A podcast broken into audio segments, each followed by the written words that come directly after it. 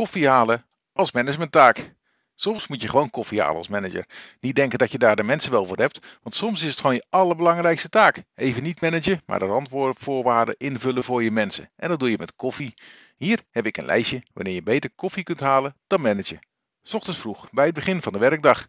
Want elke ochtend koffie halen voor je team, dat is goed. Want bij elk kopje koffie dat je neerzet, kun je dan even een sociaal praatje maken met je teamleden.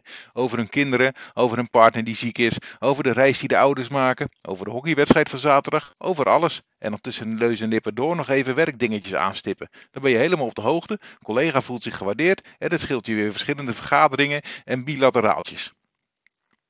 Koffie hou je ook als teamleden aan het brainstormen zijn, want bemoei je er niet mee. Hou alleen je koffie, zet het stilletjes neer en ga weer verder. Ga niet mee brainstormen, want je bent de manager en dus de leider. Jouw bijdragen zullen als verkapte opdrachten gezien worden of zullen zwaarder wegen, waardoor heel andere goede ideeën naar de achtergrond gedrukt worden. Koffie is genoeg, die ideeën hoor je vanzelf wel.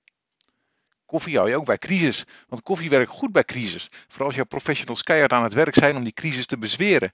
Koffie en bemoedigende woorden werken. Straal rust en vertrouwen uit en zorg voor het invullen van de randvoorwaarden om de crisis te bezweren. En een van die randvoorwaarden is koffie. Bij rotklussen hou je ook koffie. Want natuurlijk doe je zelf zoveel mogelijk mee bij die rotklussen, maar haal koffie, veel koffie. Of maak er een feestje van. Met pizza, bier, fris of wijn. Maar zorg dat je er bent en meedoet. En koffie. Bij rotdienst hou je ook koffie. Wat moet een collega om wat voor reden dan ook tot diep in de nacht werken terwijl dat niet gebruikelijk is? Dan ben jij er ook, met koffie. Misschien kun je werkelijk niets doen om die collega te helpen, maar je kunt er wel even zijn. Je laat zien dat je ook bereid bent om op, op die onmogelijke tijden te werken. En dat je de collega waardeert om zijn of haar inzet. Je zegt het om drie uur s'nachts met koffie. Op vrijdagmiddag op vrijdagmiddag doe je natuurlijk je prettig weekendrondje. Je gaat even langs bij alle collega's om ze prettig weekend te wensen. Vragen of ze nog plannen hebben, of ze leuke dingen gaan doen, of om zelf te vertellen dat je morgenochtend om 0800 uur bij de zwemles van je dochter moet zijn.